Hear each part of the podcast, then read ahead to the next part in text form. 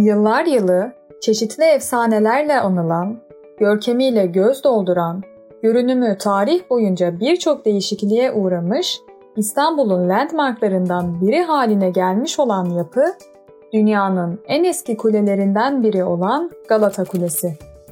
İstanbul'un Beyoğlu semtinin Galata mahallesinde bulunan Galata Kulesi, yüzlerce yıl önce inşa edilmiş bir ortaçağ yapısı olup şehrin önemli sembolleri arasında yer almaktadır. Elbette yapı yapıldığı ilk dönemlerde böyle anılmamış. Örneğin Bizanslılar kuleye Büyük Burç ismini vermiş. Cenevizliler ise İsa Kulesi adını kullanmayı tercih etmiş. Günümüzdeki isminin kökeninin ise Yunanca'da süt anlamına gelen gala kelimesinden türetildiği konusunda yaygın bir inanış hakim. Bazı kaynaklarda ise yapının asırlardan beri yaygın kullanılan adının Trakya kökenli ya da İtalyanca olabileceğinden bahsediliyor. Galata Kulesi'nin tam olarak ne zaman yapıldığı bilinmemekle birlikte kulenin Bizans İmparatoru Anastasius tarafından 528 yılında denizcilere yol göstermesi amaçlanarak Fener Kulesi olarak inşa edildiği kabul edilmektedir. Kulenin ilk inşa edildiği yapı malzemesi olarak ahşap kullanılmıştır. 1204 yılında 4. Haçlı Seferi'nde ordunun dönüş yolunda başlattığı yağma sırasında çıkan yangın sonucunda Galata Kulesi geniş çaplı olarak hasar görmüştür. Takvimler 1348 yılını gösterdiğinde İsa Kulesi adıyla Cenevizliler tarafından Galata surlarına ek olarak yeniden yapılmıştır.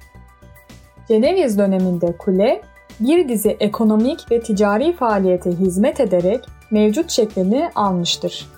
1453'te İstanbul'un Osmanlı hakimiyetine geçmesiyle birlikte bu ikonik yapıya savunma ve gözlem dışında da görevler yüklenmiştir. Galata Kulesi 1445-1446 yılları arasında yükseltilmiştir. Kule, Türklerin eline geçtikten sonra hemen hemen her yüzyıl yenilenmiş ve tamir edilmiştir. 1500'lü yıllarda depremden zarar gören kule, Mimar Murat bin Hayrettin tarafından onarılmıştır. Yapı onarıldıktan sonra kulenin üst katına bir cumba eklenmiştir. 1831'de kule bir yangın daha geçirmiştir. İkinci Mahmut'un emriyle kulenin üzerine bir kat daha çıkılıp külah biçimindeki örtüsüyle kulenin tepesi kapatılmıştır. Yapılan restorasyondan dolayı girişte bulunan kitabedeki 16 mısralık metiye 2. Mahmut içindir. 1864'teki imar çalışmalarında kule, eteğindeki avlusunu, kapılarını kaybetmiş, çevresinde açılan hendekler doldurulmuştur. Kıyıya inen sur duvarlarının son kalıntısı da yıkılmıştır. Bahsi geçen bu surların baştan sona toplamda 14 kilometre olduğu söylenmekte, yüksekliğinin ise 10 metre ile 12 metre arası yüksekliğe sahip olduğu düşünülmektedir. Kulenin dibinden itibaren bir taraftan tepe başı, diğer taraftan tophaneye uzanan Türk mezarlığı yok edilmiştir. Eski ahşap Türk evlerinin yerine batı tarzlı apartmanlar yapılmıştır. Yapı son olarak geçtiğimiz birkaç ay önce o çok konuşulan restorasyon yöntemiyle onarım görmüştür. Kule, yüzyıllar içinde farklı işlevlerde kullanılmıştır. 16. yüzyılda Hristiyan savaş esirlerinin barınağı olarak kullanılmış, daha sonraları Sultan 3. Murat'ın müsaadesiyle bir rasathane kurulmuş. Ancak bu rasathane sonradan kapatılmıştır. 1700'lü yılların başında yangın gözetleme kulesi olarak kullanılmış ancak çıkan bir yangında kulenin büyük bölümü yanmıştır. Onarılan kule 1831 yılında başka bir yangında yine hasar görmüş ve tekrar onarılmıştır. 1875 yılında bir fırtınada külahı devrilmiştir. 1965'te başlanıp 67'de bitirilen onarımla da kulenin bugünkü görünümü sağlanmıştır. Tekrar onarılan kuleye çatı yerine sekizgen bir yangın gözetleme katı yapılmış ve teras yapılınca kulenin görünümü iyice değişmiştir. 1964'e kadar yangın gözetleme ve deniz kuvvetlerince haberleşme merkezi olarak kullanılan kule, bundan sonra bu resmi işlerden boşaltılmıştır. Artık Galata Kulesi'nin turistik bir yer olmasına karar verildiği için lokanta, gece kulübü gibi yerler açılarak turistik bir eğlence yeri olarak kullanılmaya başlanmıştır. Kulenin tepesine külah biçiminde betondan bir çatı yapılmış fakat üzeri kurşunla kaplanmıştır. 1960'larda kulenin üzerindeki çatlaklar artmış ve endişe yaratmaya başlamıştır. Ahşap olan döşemeler betonarmeye dönüştürülmüş ve üst katlara çıkmak için iki asansör eklenmiştir. Ancak asansör 7. kata kadar çıkmakta ve son iki kata sadece merdiven çıkılarak erişilmektedir. Zeminde bulunan çukurlarda yapılan araştırmalarda kafa tasları ve insan kemikleri bulunmuştur. Buradan da bir zamanlar kulenin altının zindan olarak kullanıldığı anlamı çıkarılabiliyor.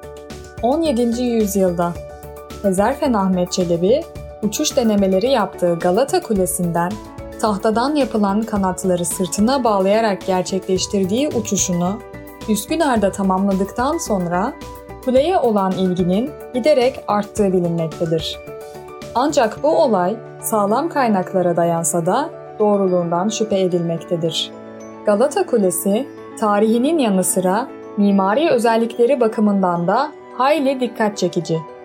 Yüksekliği yerden çatının en uç kısmına kadar 69.90 metre.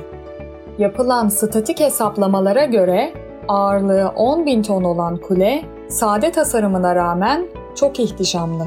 Kule, yığma moloz taş örgü sisteminde inşa edilmiştir. Dış cephe taş örgüdür. Yüksek giriş katından sonra 9 katlı bir yapıdır. Silindirik gövdesi üzerindeki pencereler tuğla örgülü yuvarlak kemerlidir. Külah çatının hemen altındaki son iki katın gelişimi silindirik gövdeyi çevreleyen profilli silmelerle vurgulanmıştır. Külah çatının altındaki katı sarmalayan metal süslemeli, şebekeli seyir balkonu mevcuttur.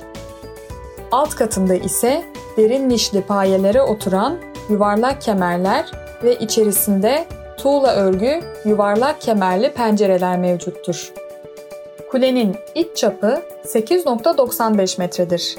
Dış çap ise 16.45 metre olarak inşa edilmiştir.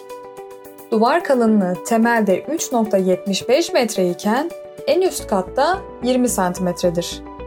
Dördüncü kattan sonra mazgallar ve beşinci katta top namluların yerleştirildiği yuvalar vardır. 7. ve 8. katların her birinde 14 pencere yer almaktadır. Bugün yapının 3. kata kadar olan kısmında Ceneviz dönemi, diğer katlarında Osmanlı dönemi karakteri gözlenmektedir. Yapı günümüzde sosyal ve kültürel faaliyetler için kullanılmaktadır.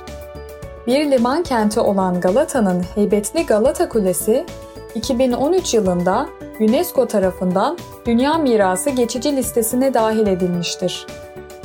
İstanbul Boğazı ve Haliç'i önüne seren, her daim kent yaşamında gözle görülür bir yerde olan Galata Kulesi, kentin simgesi haline gelmiş, toplumsal hafızada yer etmiş, önemli, güçlü bir yapı olarak günümüze kadar ulaşmıştır. Mimarın Mutfağında 10 dakikada yapılar serisinde bu hafta Galata Kulesi'ni konuk ettik. Bir başka Mimarın Mutfağında görüşmek üzere. Hoşçakalın.